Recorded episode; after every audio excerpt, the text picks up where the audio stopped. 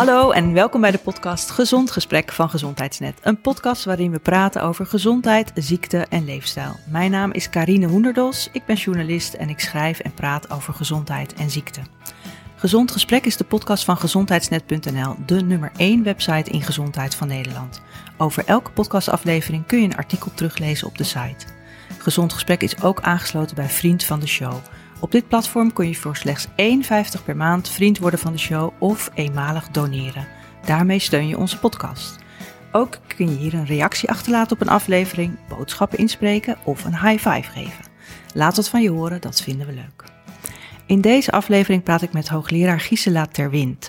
Zij is bioloog, neuroloog, hoofd van de hoofdpijnkliniek en staflid neurologie in het Leids Universitair Medisch Centrum. Je moet er zelf ook om lachen hoeveel je bent. Uh, haar specialisatie is migraine en dat is dan ook het onderwerp van deze aflevering. Welkom, Gisela. Dankjewel. Nou, voorafgaand aan een podcastopname vraag ik soms op Twitter of mensen vragen hebben over het onderwerp. En over migraine kwamen echt heel veel vragen binnen. Dit is een onderwerp dat heel erg uh, leeft.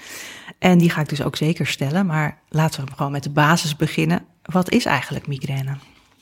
Ja, ik denk het belangrijkste om te zeggen is dat migraine een hersenziekte is. Ja. Uh, en dat is belangrijk omdat het dat ook meteen erkenning geeft van het probleem. Anders denken mensen heel vaak, een migraine is hoofdpijn. Het wordt ook heel vaak misbruikt. Je ziet heel vaak in films, speelfilms, dan zegt iemand, uh, ik had migraine. En dan denk je, was het wel echt migraine? Uh, dus er is vaak verwarring over wat migraine precies is. Migraine is anders dan gewone hoofdpijn, omdat er veel meer bij komt kijken. En we hebben internationaal hebben we daar bepaalde definities voor bedacht. Dat noem je dan een klassificatiesysteem. En dat heeft ons ook allemaal goed geholpen om in de klinische praktijk de diagnose goed te stellen en er ook goed onderzoek naar te doen. En die definitie die is als volgt. Uh, een migraine-patiënt is iemand die tenminste vijf aanvallen heeft gehad van migraine zonder aura of twee aanvallen van migraine met aura. En ik zal even uitleggen welke verschijnselen daar dan bij horen. Bij migraine zonder aura gaat het om hoofdpijn die vaak eenzijdig is, bonzend, toeneemt bij inspanning, uh, ernstig, zodat mensen in bed moeten gaan liggen. Uh, maar je hoeft niet alle vier te hebben, je kan een combinatie hebben. Dus de ene patiënt zegt ik heb bonzende eenzijdige hoofdpijn, de ander zegt ik heb hele erg hoofdpijn, moet naar bed. Dat zijn beide, kan het migraine zijn, want je moet daarnaast nog uh, andere verschijnselen hebben en dat is of ernstige misselijkheid, tot brakens aan toe kan dat zijn. En als je dat niet hebt, dan moet je overgevoelig zijn voor licht en geluid. En dat houdt in dat mensen dan zeggen, ja, ik doe echt de gordijnen dicht, ik wil geen herrie om me heen, ik wil geen kinderen, ik kan geen radio of tv verdragen. En die aanvallen duren dan vier uur tot drie dagen. Dus als je alleen bonzende hoofdpijn hebt en je bent daarbij daarnaast niet misselijk of gevoelig voor licht, dan is het geen migraine? Nee, dan is het geen migraine. Oké, okay, dus dat. Maar je ziet dus al die variaties soms in families ook voorkomen. Want we komen misschien straks over dat migraine heel erg erfelijk is. En soms zie je dat in families dat mensen niet herkennen. Want dan zeggen ze, ja, mijn moeder moet altijd overgeven. Dat heb ja. ik niet. Maar als je dan vraagt van, ja, maar hoe beschrijf je hoofdpijn? Dan zegt ze, ja, ik moet er wel voor naar bed. Ja. Uh, en ik heb wel, uh, nou, ik kan geen enkel licht of geluid verdragen. En dan is het dus wel degelijk ook een migrainevorm. Ja, oké. Okay. Dus je, dit, dit, is zeg maar de, die vorm waarvan je zegt, daar heb je minstens vijf aanvallen voor gehad. Ja, dat is migraine zonder aura. Dat is migraine zonder aura. En, en dan... dan heb je ook nog migraine met aura. En om het ingewikkeld te maken, soms hebben mensen de een, dat kan variëren bij persoon. Maar je, het, het raar is, je hoeft maar twee aanvallen te hebben van migraine met aura. Om volgens de definitie internationaal een migrainepatiënt te zijn. En die aura die is heel bijzonder. Um, en dat geeft ook weer aan dat het echt een hersenaandoening is. Bij een aura hebben mensen vaak uh, visuele verschijnselen. Dus verschijnselen met het zien. En dan beschrijven ze sterretjes, flikkeringen, zigzaglijntjes, kleuren. En die beginnen vaak klein in de hoek en die breiden zich dan in minuten uit. Zodanig dat iemand dan gewoon ook soms een deel van het gezichtsveld mist. Uh, is heel, heel vervelend uh, iets. Heel eng ook, denk ik. Hè? Dat is ook heel eng, lijkt ja, me. dat ja. is ook als je het eerste keer krijgt... en je hebt er nog nooit van gehoord... dan schrik je daar natuurlijk enorm van. Uh, en soms hebben mensen ook daar tintelingen bij in een arm en begin, of in een hand. Het begint dan in, uh, in, de ar, in de hand en dat breidt zich dan naar boven uit. Ook in minuten kan dan ook rond de mond uh, komen. En als die verschijnt zich heel erg doorzet, dan kan je er zelfs spraakstoornissen bij krijgen. Kan je niet op woorden komen. Dat noemen we een afasie. Nou, dan snap je, dan denkt iedereen dat je een herseninfarct hebt als ja. je dat hebt. En als het nog ergens kan je zelfs verlamd erbij raken. Tijdelijk dan, neem ik aan. Tijdelijk, ja. En dat is echt heel zeldzaam. Daar heb ik heel veel onderzoek naar gedaan, maar dat komt bijna niet voor. Dus de meeste mensen hebben die visuele verschijnselen, die problemen met het zien. Um, en ik denk dat neurologen dat heel vaak uh, goed herkennen. Wij als neuroloog herkennen dat. Dus daarom denk ik dat neurologen relatief vaker zeggen dat ze migraine met aura hebben gehad. Als het nou heel kort heeft geduurd, een paar minuten, en het, je hebt het maar één keer of twee keer in je leven gehad, ja, dan herkennen sommige mensen het niet. Dus dan beschouwen ze zich ook niet als patiënt. Volgens de klassificatie ben je wel een patiënt als je maar twee aanvallen hebt gehad. Ja, maar wat zegt dat dan als je maar twee aanvallen hebt gehad en je wordt dan patiënt genoemd? Betekent dat ook dat je dan dus de rest van je leven daar gevoelig voor bent? Of dat dat zeker is dat het ook nog een keer zal gebeuren? Ja, nou het is niet zeker dat het nog een keer kan, kan gebeuren. Want het raar is, ik denk dus dat iedereen in het leven wel eens een keer een migraineaanval krijgt. Maar daarmee ben je in mijn ogen niet een patiënt. Uh, het verklaart wel waarom migraine zo ontzettend veel voorkomt volgens uh, onze hè, klassificatie. Maar dat wil niet zeggen dat iedereen er last van heeft. Je kan je voorstellen, als je dat twee keer in je leven hebt gehad, een aura, ja, dan was het vervelend. Uh, de kans is wel groter dat je het misschien in je leven nog een keertje krijgt. Ja. en heel vaak zie je ook als er migraine, als jij als, als ouder migraine hebt gehad, ook al was het misschien mild of niet vaak, dan is de kans dat je kind het krijgt wel veel groter geworden. Ja. En je zegt het is een hersenziekte. En, en wat moet ik me daarbij voorstellen? Wat gebeurt er in de hersenen als je een aanval hebt? Ja, dus om even te beginnen met die aura, want die aura die is vaak voor de hoofdpijn, voor de migraine hoofdpijn. Bij een aura-fenomeen, waarbij je dus die problemen hebt met zien, dan gebeurt eigenlijk een fenomeen, dat noemen we cortical spreading depolarization. Dat is een ingewikkelde term, maar dat wil eigenlijk zeggen, de zenuwcellen gaan kortdurend vuren, dus er is eigenlijk een activiteit. Die zijn even actief en daarna zijn ze even uitgeput, kunnen ze niks. En dat Wat vuren ze dan? Ja, ze, nou ja, een elektrisch signaal. Dus ze, ze eigenlijk spontaan geven ze een elektrisch signaal, of er eigenlijk geen reden toe is. Daarom zie je die flikkering of die, of die sterretjes. En uh, dat gaat als een soort golf over je brein. En dat begint in je achterhoofd. Dus je achterhoofd is het meest gevoelig. En dat is ook het gebied waarmee je alle prikkelsverwerking doet van het zien. En daarom zie je dus die rare verschijnselen. Dus je ziet eigenlijk wat er gebeurt in je hersenen achterin. Dat is heel fascinerend. En je, en je kan eigenlijk ook zien hoe dat over je hersenen gaat. Want je ziet dus als patiënt zie je die, die, die, uh, die, die sterretjes en, en flikkeringen en zigzaglijnen uitbreiden in je gezichtsveld. En dat wil eigenlijk zeggen dat in je brein die golf langzaam naar voren gaat, naar voren trekt. En die golf die trekt naar voren en die kan ook naar het gebied gaan van uh, je gevoel. Dan krijg je die tintelingen. Maar dat hoeft dus niet altijd. En als hij naar de linkerkant gaat, richting meer richting je oor, dan komt hij bij je spraakcentrum. En dan kan je ineens niet meer op woorden komen. Of je snapt niet wat mensen tegen je zeggen. En dan kom je in je brein, kom je dan bij een soort kloof, moet je je voorstellen. En als je daar overheen gaat, kom je in het volgende gebied. Dat zorgt voor je motoriek, voor je kracht. En dus moet je een hele sterke golf hebben in je brein om die kloof over te gaan. En daarom is maar bij een klein deel van de mensen ook dat je een krachtsvermindering krijgt. Oké, dus je hebt zo'n, zo'n laten we zeggen, zo'n elektrische golf die al die verschijnselen veroorzaakt. En uh, wanneer stopt dat? Of hoe stopt dat? Ja, het, het fascinerende is dus die golf die gaat in minuten en die, en die stopt dus meestal binnen, binnen een, uh, die duurt meestal tussen de 20, 30 minuten. Het duurt maximaal een uur. Maar dat verklaart eigenlijk alleen nog de aura. Want daarna komt die hoofdpijn. En dat is eigenlijk een heel ander mechanisme.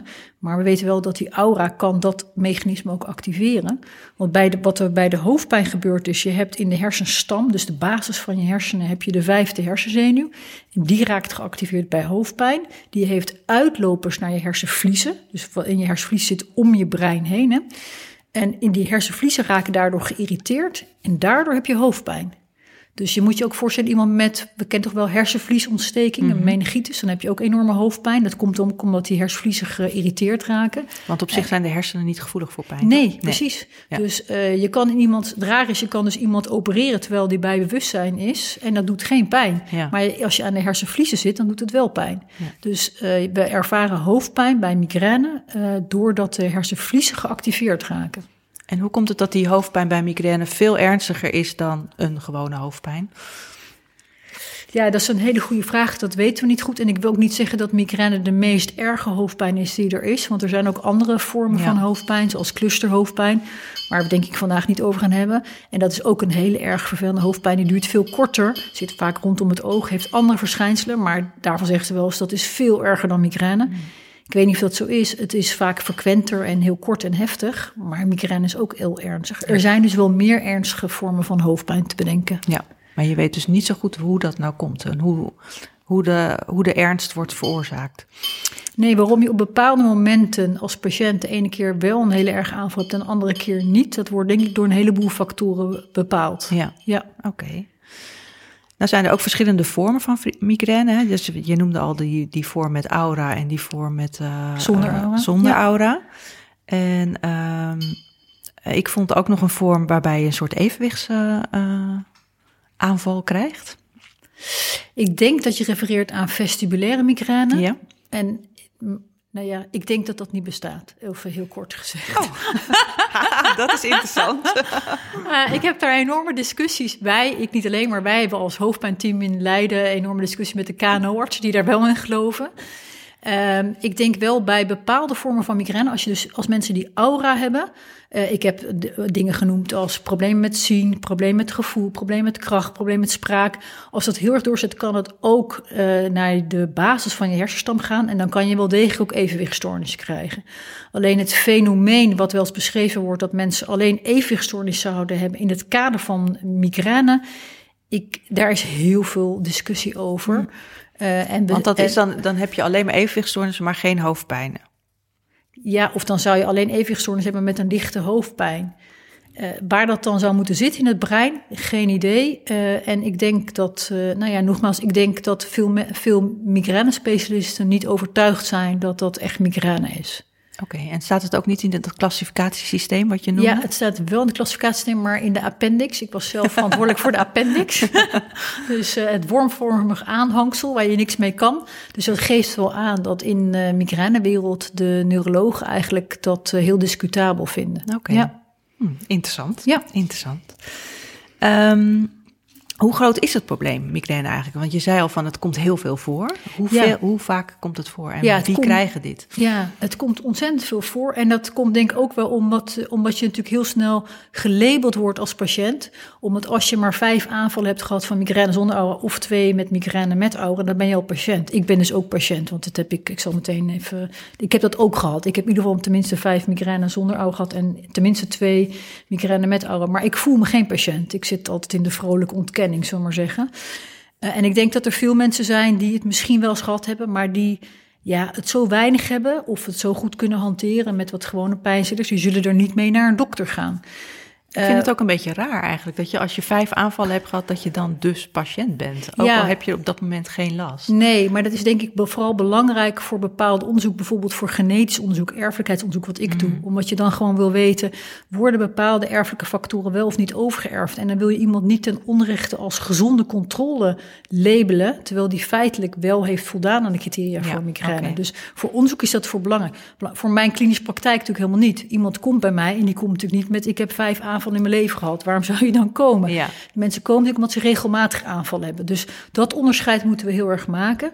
Wat we wel weten is, uh, ook uit onderzoek wat we in Nederland hebben gedaan, is dat een derde van de vrouwen in het leven wel eens te maken krijgt met migraineaanvallen. Dus dat is ongelooflijk veel.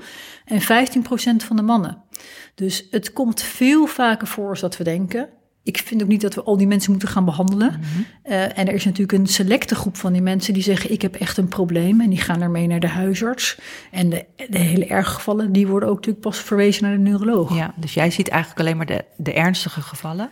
Ja, de hoogfrequente noemen we dat dan. Mensen die veel en regelmatig last hebben van de migraineaanvallen. Ja, oké. Eh, dus vijf, wat zei je? Een derde van de vrouwen ja. en 15 procent van de mannen. En hoe komt het dat vrouwen hier meer last van hebben? Ja, dat is een super interessante vraag. Dat is ook iets waar ik me de komende jaren. Ja, dat is echt, echt mijn goal is om uh, meer aandacht te hebben voor de vrouwspecifieke factoren van migraine. Ja. Uh, en ik denk dat er één grote verklaring voor is en dat is hormonen. Hormonen, hormonen, hormonen. Dat is ook weer waarom ik bijvoorbeeld vandaag weer een afspraak heb met een gynaecoloog hier ook in Haarlem. Omdat ik denk dat neurologen en gynaecologen moeten gaan samenwerken om daar meer inzicht in te krijgen.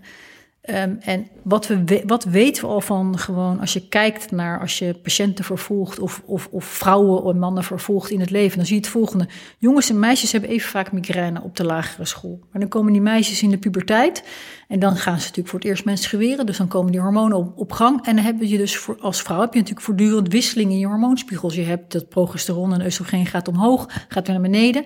En we denken die dalingen van het oestrogeen en progesteron, vlak voor je menstruatie, dat is zo'n klap kennelijk op je systeem. Dat lokt de migraineaanval uit. Hm.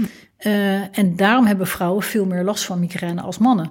En wat je dus ook bij die vrouwen ziet, uh, die hebben dus jonge meisjes krijgen op een gegeven moment heel veel last. Uh, mijn dochter is daar denk ik ook een mooi voorbeeld van.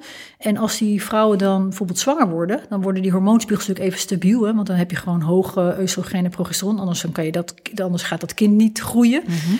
En dan worden je, je spiegels dus hoger. En dan, dan verdwijnt je migraine tijdens je zwangerschap. Na de bevalling komt die migraine dan weer terug. En dan zie je vaak dat vrouwen eh, soms wel in wat stabieler vaarwater komen, totdat ze rondom de menopauze komen. Dat heet dan perimenopausaal. Hè? Dus rondom je laatste menstruatie krijg je vaak onregelmatige menstruaties. Dan gaan die hormonen alle kanten op en dan vliegt die migraine dus ook alle kanten op. Oh. En ben je er dan van verlost op het moment dat, dat de overgang klaar is? Ja, bij veel vrouwen wel, maar bij sommigen niet. En uh, uh, waarom bij die, bij die uh, vrouwen niet? Omdat ik denk dat bij die vrouwen die het nog steeds houden, erfelijke factoren zo'n sterke rol spelen, dat hun drempel voor het krijgen van aanval gewoon heel laag is. Ja. En ik, ik las dat jij doet daar ook onderzoek naar, hè? de, de, de WHAT-studie. Ja, ja. Wat is dat voor studie? Ja, de WHAT staat voor Women Hormones Attacks and Treatment.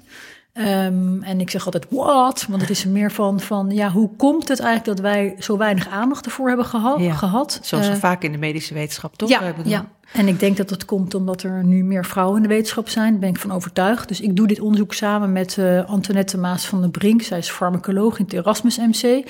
En we hebben ons koppen bij elkaar gestopt, ook met, met uh, gynaecologen uit Rotterdam en, en, en Utrecht. Om te zeggen van oké, okay, hoe gaan we hier nou beter onderzoek naar doen? Naar vrouwen en migraine. Naar vrouwen en migraine. Ja.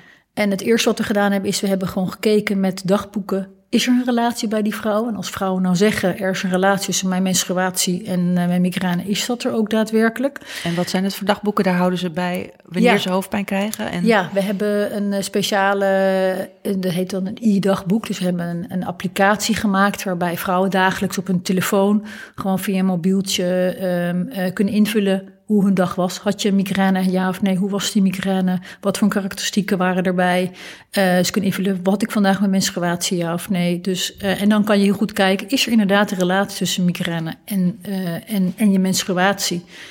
Het, het, het, belangrijkste wat er al uitkwam, vond ik heel fascinerend. Als je aan vrouwen vraagt, denk je dat jouw migraine menstruatie gerelateerd is? Dan zegt twee derde zegt ja. Dan ga, je die, dan ga je die drie maanden vervolgen en dan blijkt dat twee derde van die vrouw ook gelijk heeft. Dat klopt. Maar een derde klopt het helemaal niet. Die denken hmm. dat het zo is, maar je, kan het, je vindt het helemaal niet terug in een dagboek. En, en dat zien ze zelf natuurlijk dan ook als ze dat dagboek ja, invullen. Ja, dus dan zie je dat dat dagboek heel belangrijk is ja. om te kijken, is het echt zo?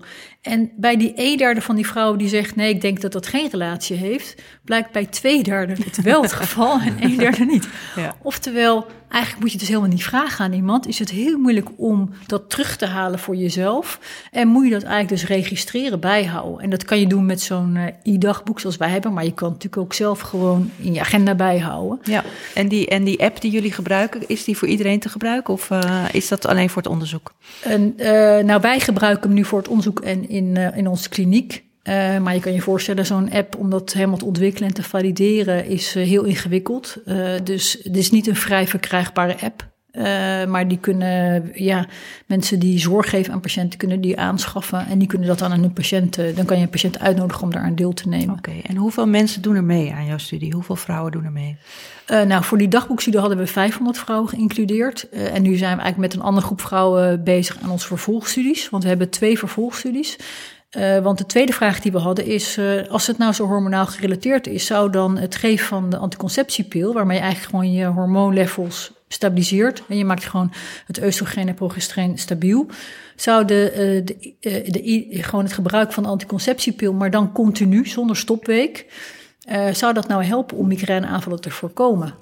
Want dat vroegen ook alle vrouwen aan mij. Hè? Vrouwen kwamen bij mij op spreker en zeiden... ja, denkt u dat het zin heeft om hormonen te slikken? En dan zeg ik, ja, ik weet het niet. Uh, ja, het zou kunnen, maar ik heb geen idee. Het is dus nog nooit goed onderzocht. Dus nu, Ongelooflijk. Ja, het, is, 2021. Ja, ja, het is heel fascinerend. ja. En uh, dus nu doen we een studie waarbij we aan de ene kant uh, jonge vrouwen oproepen om zich bij ons te melden. En dan, uh, en dan kijken of de anticonceptiepil werkt of niet. En we doen dat in de vergelijking met, met een ander middel, vitamine E, om te kijken of daar verschil in tussen zit en of die, of die anticonceptiepil beter werkt. En, en waarom doen, vitamine E? We, uh, vitamine E, omdat er een hele, hele kleine studie is gedaan... waarbij aangetoond uh, werd dat het mogelijk via het uh, baarmoederslijmvlies... ook iets zou kunnen doen met de hormoonhuishouding... en dus iets op de migraine. Hm. Dus het is een hele interessante vergelijking. Maar eigenlijk heb je dan dus niet echt een controlegroep. Dus ze hebben allebei dan een interventie. Ja, ze hebben alle twee een interventie. Ik moet wel zeggen, de verwachting van het ene middel... is misschien wat hoger dan van het andere middel. Ja, ik verwacht dus, ook niet dat vitamine E zoveel doet, maar... Nee. Nee, maar, uh, je, kan niet, je kan niet de anticonceptiepil blind geblindeerd geven. Het liefst geef lijkt me heel gevaarlijk. Ja, normaal heb je geblindeerde studie en dan geef je gewoon een, dan, dan, uh, dan pakt de apotheek dat in. Hè, en dan weet je als, als dokter niet wat je geeft en de patiënt weet niet wat hij krijgt. Uh, en daar hebben we uitgebreid over nagedacht. Nog los van het probleem dat je natuurlijk wel goede, dat je maar je kan dit, er wordt ook niet voorgeschreven als, anti, als een anticonceptiemiddel. hè? Dus mhm. je zou tegen al die tweede vrouwen moeten zeggen, nou je moet van uitgaan dat je niet beschermd bent als je seks hebt. Dus dat zou niet het probleem zijn. Alleen denk op het moment dat jij de anticonceptiepil slikt, dan merk je het meteen. Want A, als je doorslikt, dan ga je niet menstrueren. Dus dan merk je het al aan. Maar ik denk al voordat je je menstruatieperiode hebt, merk je het natuurlijk. Ja. We weten, daarom vind ik dat onderzoek ook zo belangrijk. We weten dat het innemen van anticonceptiepil niet zonder bijwerkingen is. Dus uh, er zijn natuurlijk ook veel jonge vrouwen die al lang afgehaakt zijn met anticonceptiepil. Omdat ze zeiden, ik word er depressief van of ik word er heel erg kommer van aan. Dus het is geen snoepje. Nee. En daarom vind ik dit onderzoek zo belangrijk. Omdat uh, wat ik nu zie, is dat we best wel moeite hebben om mensen te includeren. Omdat veel huisartsen het gewoon al geven aan uh, jonge migrainepatiënten. En dan zeggen, nou probeer dit maar, want het helpt misschien voor je migraine. Hmm, en jij denkt van, ik zou eerst willen echt willen weten of het werkt, want het is geen snoepje. Ja. Dus uh, dit moet wel goed onderzocht worden. Ik vind dat dit aandacht verdient voordat je dit zomaar aan een jonge vrouw geeft. Met het idee van, uh, ja, die hormonen die zullen wel van invloed zijn. Nou, neem maar de pil en dan gaat je migraine ook misschien wel minder. Ja. Uh, want het is, niet, het, is niet zonder, ja, het is niet zonder bijwerking. Het is ook niet zonder risico's trouwens, het, ge het gebruik van de pil. Ja. Dat weten we ook allemaal. Dus ik vind dat je dit zorgvuldig moet onderzoeken. En een beetje hier, kan je hier al iets over zeggen of is het nog te vroeg? Nee, het is nog te vroeg. Dus ik denk, uh, ik, doe, ik wil vooral een oproep doen voor mensen om zich aan te melden voor onze okay. studie. Uh, en, uh, en we doen het dus niet alleen bij jonge vrouwen, maar we doen het ook bij die, bij die vrouwen die rondom de menopauze zitten. Dus die perimenopausaal zijn. Die vrouwen hebben vaak ook meer overgangsklachten.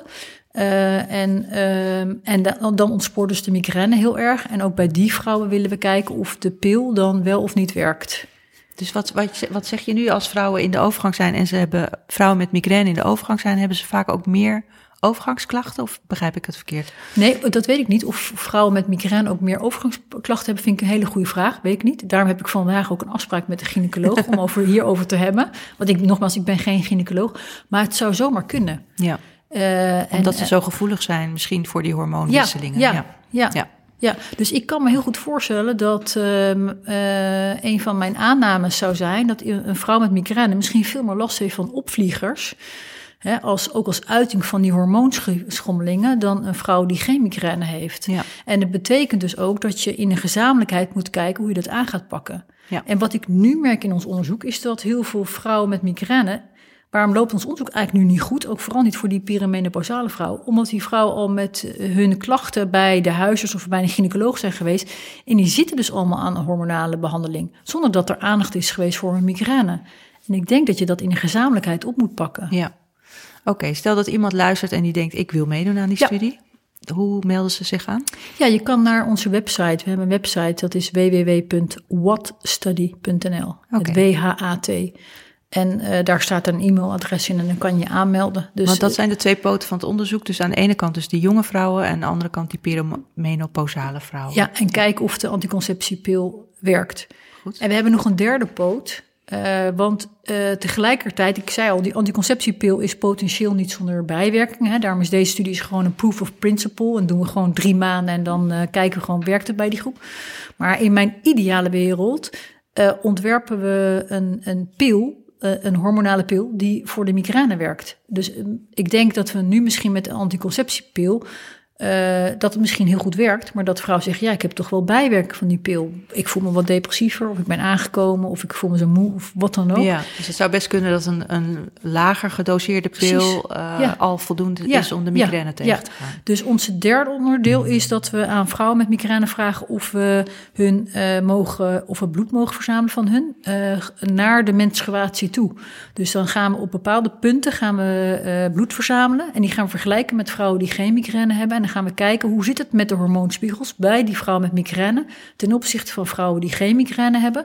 En uh, zien we daar misschien andere waarden van bijvoorbeeld het oestrogeen of het progesteron of misschien een snellere daling van het oestrogeen. En misschien moet je een soort mini-hormonale pil geven vlak voor de menstruatie bij migrainevrouwen. Ja. Maar vrouwen die uh, uh, rond, de, rond de menopauze zijn en hormonale behandeling krijgen, die krijgen toch al een laag gedoseerde hormoontherapie. Dat is toch al lager dan de anticonceptiepil? ja, ik, nogmaals, ik ben geen gynaecoloog, maar dat denk ik ook te, dat denk ik ook te weten. Dat denk ik ook te weten. onze podcast over de overgang ja, Ja, nee, maar, ja, nee Want, heb ik, want die was er inderdaad. Toen heb ik inderdaad een deel van geluisterd, dus dat weet ik. Uh, en ik. Maar ik zie ook veel vrouwen die dus... Uh, en dan zie je dus dat huisartsen ook soms van alles en nog wat doen, denk ik dan. En niet, niet de nadeel van de huisarts hoor, maar er zijn veel vrouwen die uh, ook de Mirena-spiraal bijvoorbeeld al langere tijd gebruiken. Uh, dus er, er gebeurt van alles. Ja, zonder uh, dat het echt goed onderbouwd ja, is. Ja, ja, dus ik denk, uh, ik denk dat het in het algemeen van belang is om ook voor de overgang bij vrouwen goed te kijken. Wat, wat is nou echt bewezen effectief? Ja. En is het dus de eerste keer dat, dat neurologen samenwerken met gynaecologen op dit gebied? Ja, ik denk, ik, ik, ik meen te denken dat dit uniek is in Nederland, maar ook uniek in de wereld. En dat is natuurlijk best wel schokkend. Ja, hè? zeker. Ja. Ja. Het is een schokkende constatering dat er eigenlijk zo weinig aandacht was voor, dat heet dan nu heel uh, hip, uh, genderspecifieke uh, behandeling of gender-specific medicine. is wel heel hard nodig. Ja, ja. Oké. Okay. Um, uh, zo'n aanval die komt, die komt dus in wat jij al zei van uh, als je migraine krijgt, dan komt dat in fase. Ja. En uh, een van vele vragen op ja. die ik kreeg kwamen van ik, ik voel het aankomen. Ik word bijvoorbeeld heel chagrijnig of ik krijg een enorme zin in chocola of ja. ik heb het heel koud. Dat soort dingen. Hoe, hoe kan dat? Ja. Oh, hier zit alweer zoveel leuks in. ik, ik vind het ook heel leuk altijd als mensen vragen stellen. Uh, zoals nu aan jou en ook bij mij in de spreekkamer, omdat het inspireert me ook altijd weer tot verder onderzoeken. Ja. Dus um, um, even om het in stukjes uh, te hakken. Er is, een, er is een fase voordat je je aura hebt of je hoofdpijn. En dan zit die aanval eigenlijk al aan te komen. En dat noemen we de prodromale fase, de voorfase van de hoofdpijn. Uh, prodromaal. Prodromaal, ja. Okay. Uh, dat is voor en droom. Dromaal is dan van ja, aanval of wat dan ook. In die prodromale fase, heel vaak herken je die als patiënt niet op dat moment, maar herken je het achteraf. Dan denk je, oh ja, het was ook al. Je ziet ook heel vaak dat de omgeving het niet herkent. Dus in die prodromale fase heb je bijvoorbeeld dat mensen heel erg gaan gapen. Ze worden soms uh, enorm moe. Uh, ze krijgen soms enorme gevoelens van stress. Ze krijgen soms enorm behoefte aan bepaald voedsel. Um, bedenken dat er een bepaald uh, uh, orgaan in je, in, je, in je onderdeel van je hersenen geactiveerd wordt. Dat is de hypothalamus. En het interessante is, heel veel van die fasen en die verschijnselen lijkt op wat je ziet bij vrouwen met het premenstrueel syndroom. Ja. En uh, vrouwen met een premenstrueel syndroom hebben vaak dezelfde verschijnselen, hebben dan ook betrekking in bepaald voedsel. Die gaan dan ook zitten snoepen bijvoorbeeld. Gaan ze menstrueren, dan zeggen ze nooit, ja, ik, ik, ik kreeg mijn menstruatie omdat ik een zak Engels drop had gegeven. Dat, dat, denk, dat denk je nooit. Je denkt, oh ja, het kwam omdat ik ging menstrueren. Maar bij migraine zijn mensen altijd op zoek naar de oorzaak. Dus ja. wat, je, wat ook heel logisch vindt, hè? heel begrijpelijk en heel menselijk. Want je wil grip krijgen op je aanvallen. Dus dan denk je, oh, wat heb ik hiervoor gedaan? Dan denk je, oh ja, ik had chocola gegeten. Ja, die chocola, daar heb ik mijn aanval van. Nee, je prodromale fase was waarschijnlijk al begonnen en daarom ging je dat doen. Hetzelfde is dus met die overmoeidheid dus als je die, die chocola niet had gegeten, had je, die, had je sowieso die migraine ook wel gekregen. Ja, alleen hoe test je dat? Ja. Dus dat kan je denk ik bij jezelf testen. Dat is ook iets wat we de komende jaren willen gaan doen met ons dagboek. Juist al die triggerfactoren uitzoeken. En dan kan je je bijhouden, net zoals dus met menstruatie, waarbij dus op blijkt dat vrouwen eigenlijk niet goed weten of de menstruatie het wel of niet uitlokt. Moet je ook deze factoren stap voor stap gaan uitzoeken bij jezelf. En dan kan je zien, is er een verband, ja of nee? Want anders gaan we het verkeerd labelen met z'n allen. Dat is het grote gevaar. Ja. En stel dat je, dat je weet van, oh oké, als, ik, als ik ineens een stressgevoel heb, dan zou er een aanval kunnen komen. Kun je het dan nog afwenden? Stel nou, dat je... op, op dit moment niet, maar dat is ook iets waar wat we de komende jaar gaan doen. Is, uh, ik vind het zelf ontzettend cool. We hebben dus ons dagboek helemaal omgebouwd dat mensen er ook hun triggerfactor in bij kunnen gaan houden. Zodat je kan kijken, is er een relatie tussen mijn hoofdpijnaanval en mijn triggers? Ik, vind, ik vind zo langzamerhand echt dat het dagboek op de markt moet komen. Ja, dat komt ook op de markt. Maar ik wil je niet veel reclame maken voor mijn dagboek. Maar, uh, en daarnaast hebben we ook een heel, uh, is er ook een heel cool systeem waarbij je kan kijken. Dat heet uh, smart topografie. Dan kan je kijken of iemand, hoe iemand zijn telefoon gebruikt. Dus dan gaan we ook al kijken. Zie je aan het gebruik van iemands telefoon misschien al dat hij een aanval eraan gaat komen? Wordt hij misschien minder snel op die telefoon? Oh. Dus dat is ook heel cool, vind ik. En we gaan mensen thuis meten. Dus wat we ook gaan doen is met, met bepaalde caps die je op je hoofd kan zetten, gaan we kijken wat meten we aan activiteit van de hersenen. Wat ik zei, hè, migraine is een hersenziekte. En vinden we veranderingen in die activiteit naar een aanval toe. En dan willen we eigenlijk dat aan elkaar koppelen. Zodat in de toekomst hoop ik dat je als wij spreken een soort diadeempje op je hoofd kan zetten elke ochtend. En dan meet die diadeempje, ja, je bent wel of niet gevoelig vandaag. En dan kan je misschien in combinatie met het gebruik van je telefoon, gewoon door je dagelijks gebruik, komt er op een gegeven moment een alert. Pas op, dit wordt vandaag een risicovolle dag. En dan kun je daar misschien ook actief op ingrijpen door dat te voorkomen. Ja, en hoe kan je dat dan voorkomen? Ja, dat weten we natuurlijk nog helemaal niet. maar helpt het bijvoorbeeld als je dan rust zou nemen of als je uh... Nou, ik denk dat je dat pas kan onderzoeken als je een alert hebt van, uh, ja, nu kan het erop aankomen. Ja. Ik weet niet of rust nemen helpt, eerlijk gezegd. Want daar zie je denk ik ook die mythologie er een beetje in. Dat mensen zeggen van, oh ja, je was ook zo gestrest en uh, druk. Of je was zo vermoeid, zat zo te gapen. Ja. ja, je was veel te druk, daarom kreeg je een migraineaanval. Nee, ja, en wat ik, hoor ook, wat ik ook vaak hoor is dat mensen zeggen... ja, na een periode van drukte, dan ging ik op vakantie... en toen kreeg ik heel veel migraine. Ja. Dat vind ik zo herkenbaar, want nogmaals... ik zit in de ontkenning van mijn migraineaanvallen. uh, maar ik, ik, uh, en ik kan er ook heel goed mee leven. En dat komt omdat ik altijd alleen mijn migraine krijg... als ik vakantie heb of het is weekend. En nu weet ik dat al. Maar ik, ik weet nog een foto van toen ik heel jong was. Toen had ik mijn man net leren kennen. En toen gingen we met het eentje van mijn moeder op vakantie. En er is een foto en, en dan lig ik uitgeput op mijn zij voor, voor, die, voor die eend te slapen. Terwijl mijn vriend, uh, nu mijn man, de tent opzet. en, en, maar wij labelen het ook altijd fout. Dan zei, dan zei ik dus tegen, en dan zei hij ook tegen mij... ja, je was ook veel te druk vlak voor de vakantie. Je moet ook niet zo gestrest op vakantie gaan, weet je wel. Dus ik heb het ook zelf gedaan. En ik dacht, oké, dat nu weet ik. Oh ja, nee, dan ontspan ik. En dat is dan een moment waarop ik soms een aanval krijg. Ja. Dus het, het is niets te maken of je het wel of niet druk hebt gehad van tevoren. Nou ja, nou, de ontspanning mij, is natuurlijk ik wel... Ik denk bij mij wel. Ik weet gewoon, als ik... Uh, ik heb ook wel eens een keer gehad dat ik... Uh, uh, in een hele korte tijd naar Los Angeles gevlogen, weer terug naar Israël, weer terug. Dus nou ja, weet je, hele tijdzone door de war.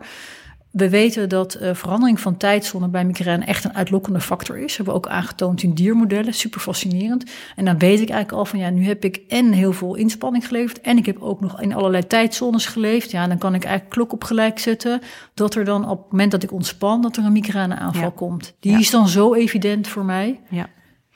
Oké, dus, dus ja, er is nog heel weinig bekend eigenlijk. Wat je nu vertelt, hè, van we weten nog niet welke factoren het uitlokken, we weten nog niet wat, wat hormonen nou precies doen.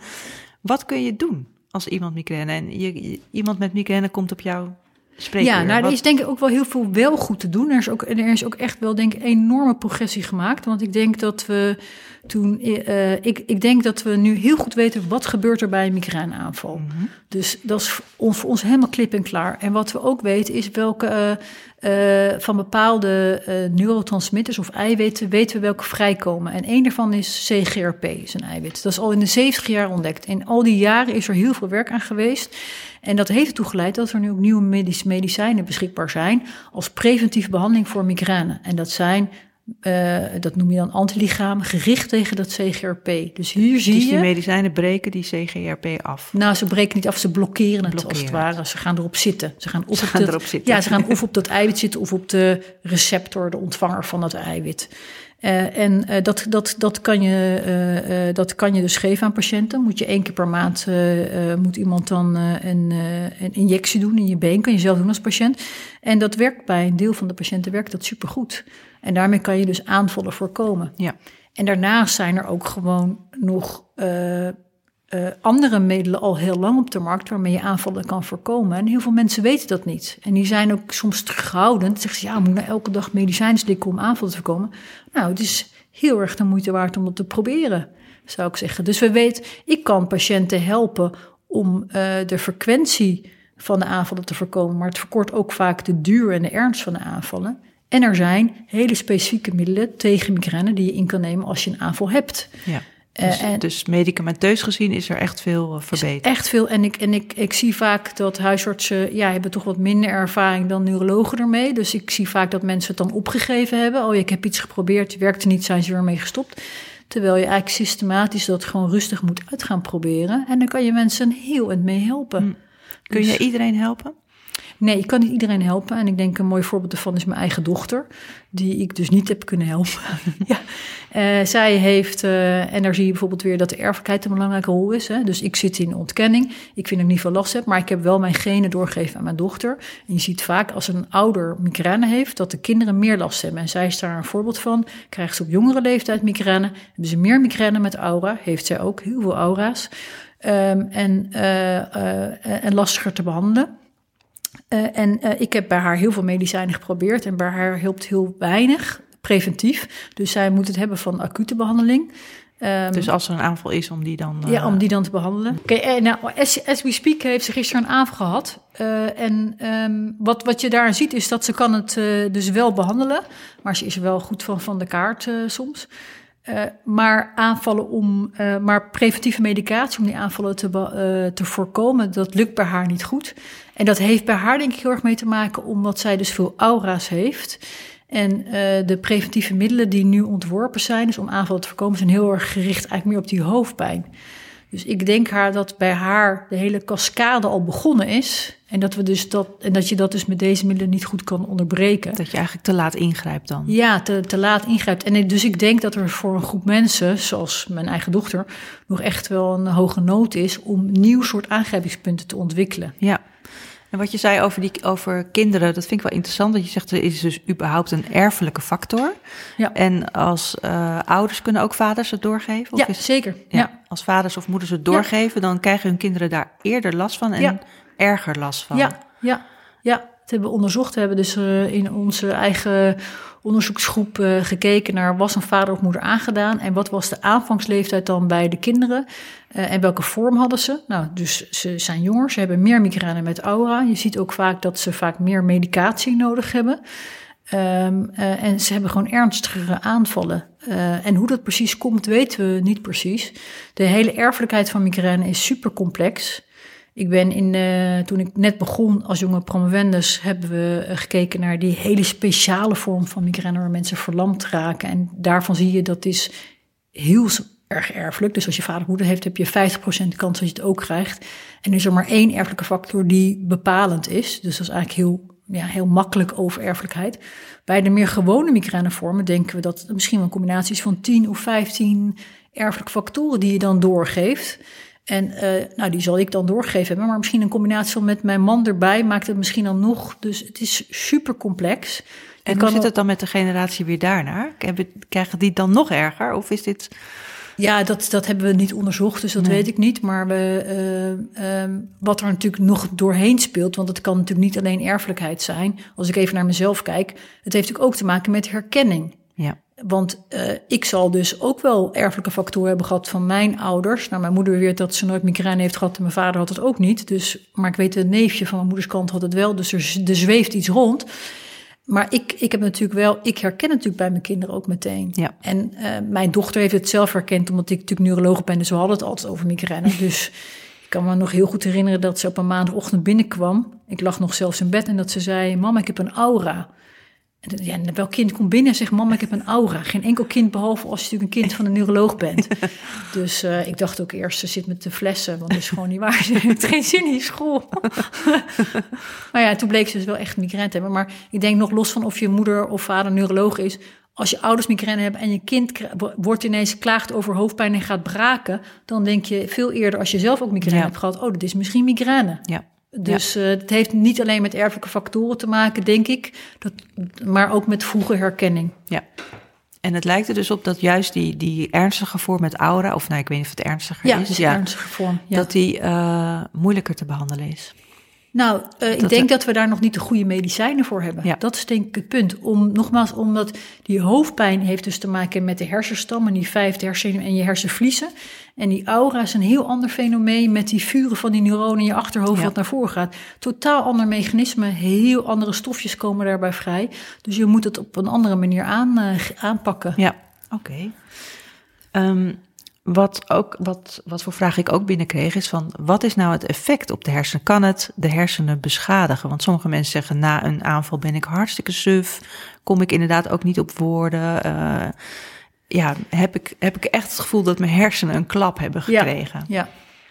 ja dat vind ik ook heel herkenbaar. Uh, uh, want dat hoor ik inderdaad ook heel veel van patiënten. En ik denk dat het een terechte observatie is. Hè. Daarom is uh, een, een migraineaanval meer dan alleen die hoofdpijnfase. Er zit ook nog een herstel van die na, daarna wat nodig is.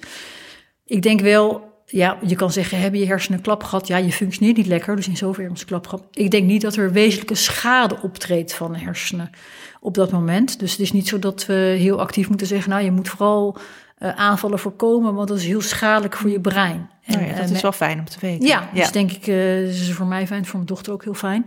Uh, maar het is voor iedereen fijn. dus dat herstelt zich ook wel weer. Tegelijkertijd weten we wel dat, en dat is, dat is op zich best wel een beetje een beangstigende gedachte, dat migraine mensen wel een verhoogd risico hebben op het krijgen van herseninfarcten later. Uh, en helaas geldt dat weer vooral voor vrouwen. En vooral voor vrouwen met migraine met aura.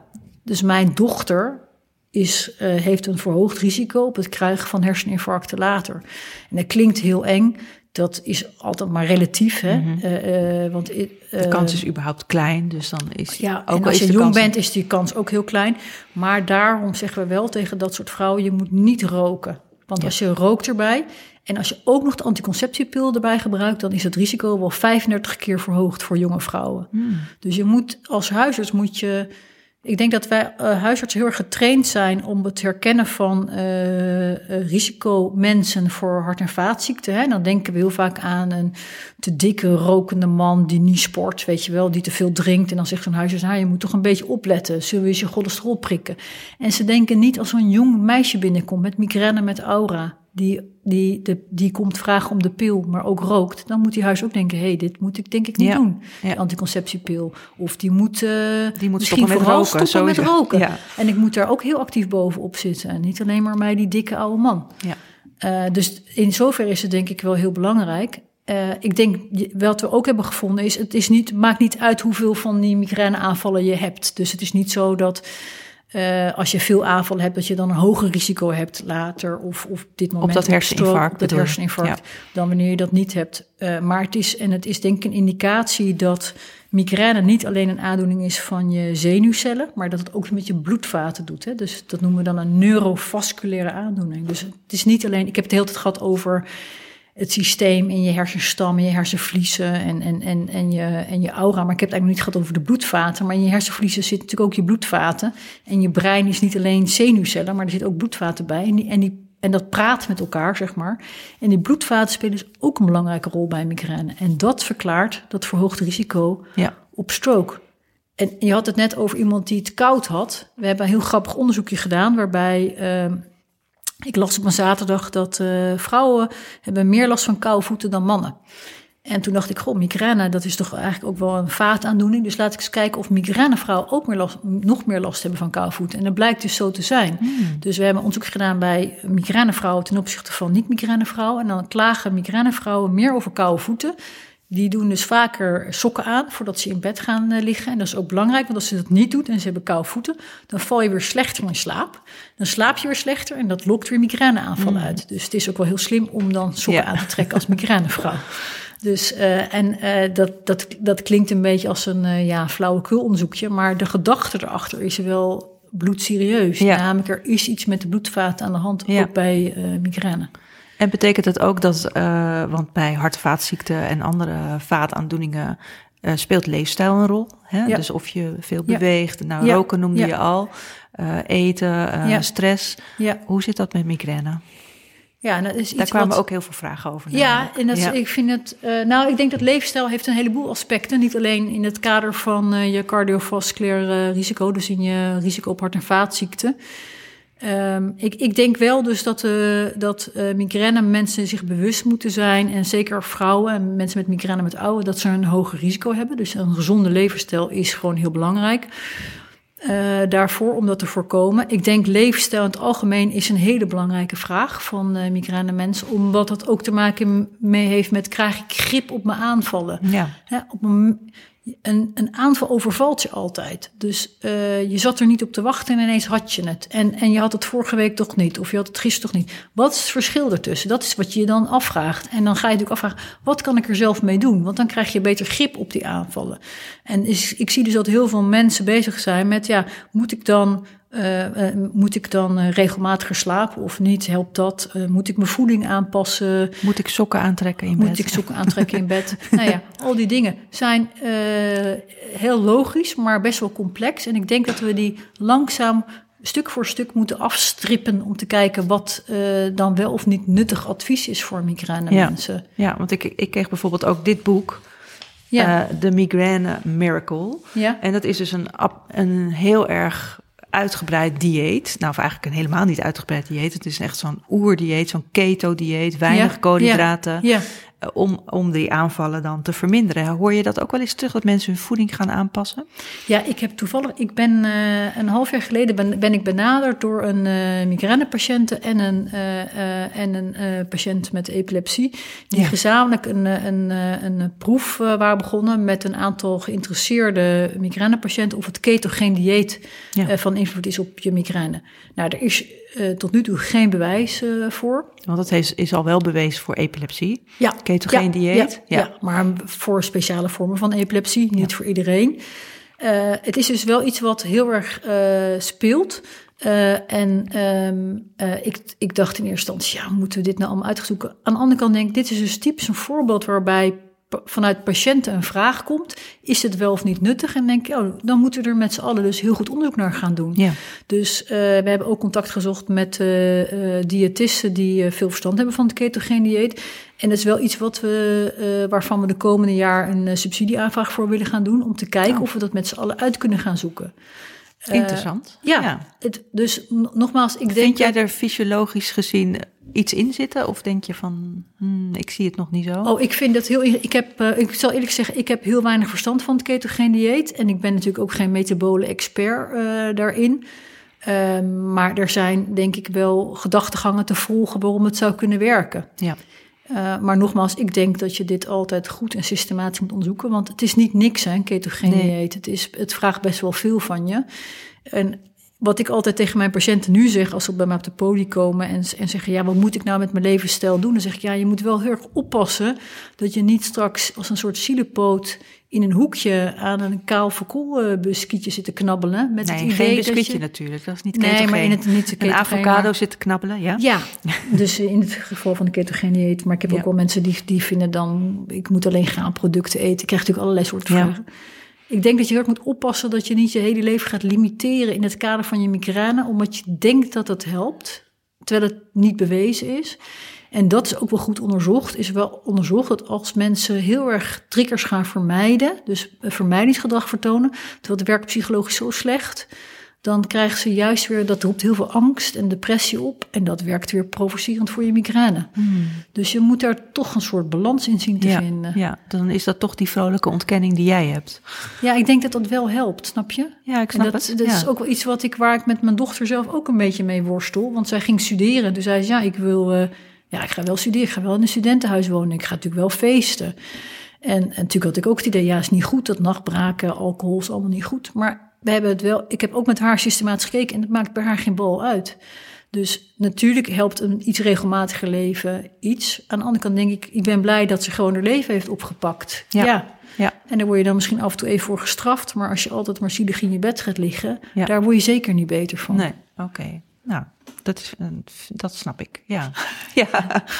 ja. Neem niet weg dat ik wel heel benieuwd ben naar die studie straks, naar dat uh, ja, dieet. en, en... Nog, ja, nogmaals, ik vind het uh, heel erg leuk en belangrijk dat patiënten vooral komen met vragen. Uh, er, bestaat, er bestaat niet zoiets als domme vragen. Er is vooral veel domme antwoorden. En ik denk dat het ons inspireert, mij als neuroloog, maar ook andere hoofdpijnonderzoekers, om daar verder onderzoek naar te doen. Ja. Want waar er ook vragen over kwamen, was vitamine B12. Uh, ja, ik ben altijd die vitamines kwijt. Maar volgens mij was het niet vitamine B12 die zou, weer, zou werken. Bij past het niet toe. Uh, niet? Nee. Je checkt het ook niet of er een tekort is? Of, uh, nee, nee, Er is volgens mij een andere vitamine. Ik ben het even kwijt zelfs, weet je dat? Je hebt vitamine... B2? Die kan B2, ook.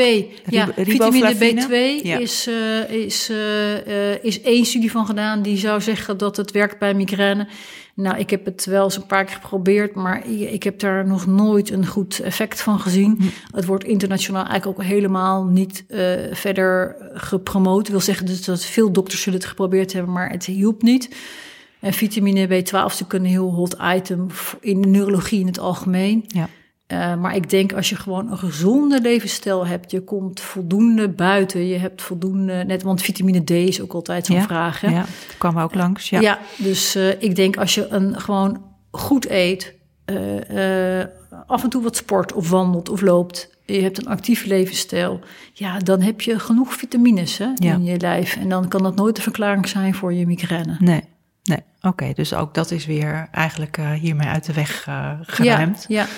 Um, Oké, nou ja, ik wil nog even vragen, want je zegt het al over je dochter en je zegt het over jezelf en dat, dat, mensen, de, ik, uh, dat mensen na een aanval, um, nou in ieder geval dat mensen zo slecht worden herkend als ze migraine hebben, dat, het, dat, het, dat er vaak heel luchtig over wordt gedaan. Yeah. oh ja, god, zij heeft weer hoofdpijn of hij, hij heeft weer hoofdpijn of het is vakantie, nou ze zal weer hoofdpijn krijgen. Mm -hmm dat maakt het probleem ook niet makkelijker, denk ik. Is het zo dat er, dat er eigenlijk een stigma is op migraine? Ja, ik denk dat er nog steeds een stigma is. Ik denk dat mensen het heel lastig vinden om toe te geven dat ze migraine hebben. Ik zie dat onder andere neurologen, dat ze eigenlijk, ja, dat ze het dan wel min of meer besmuikt aan mij vertellen, maar dat verder niemand weet. Uh, en uh, zo proberen we ook al met de hoofdpijnpatiëntenvereniging al jaren een bekende Nederlander te vinden als ambassadeur voor migraine. En die, ik, ik weet dat er BN'ers zijn die last van hebben, maar die zullen er niet heel makkelijk voor uitkomen. Terwijl mensen wel komen met, mijn vader had last van dementie, of mijn vader had Parkinson, of ik heb zelf Parkinson.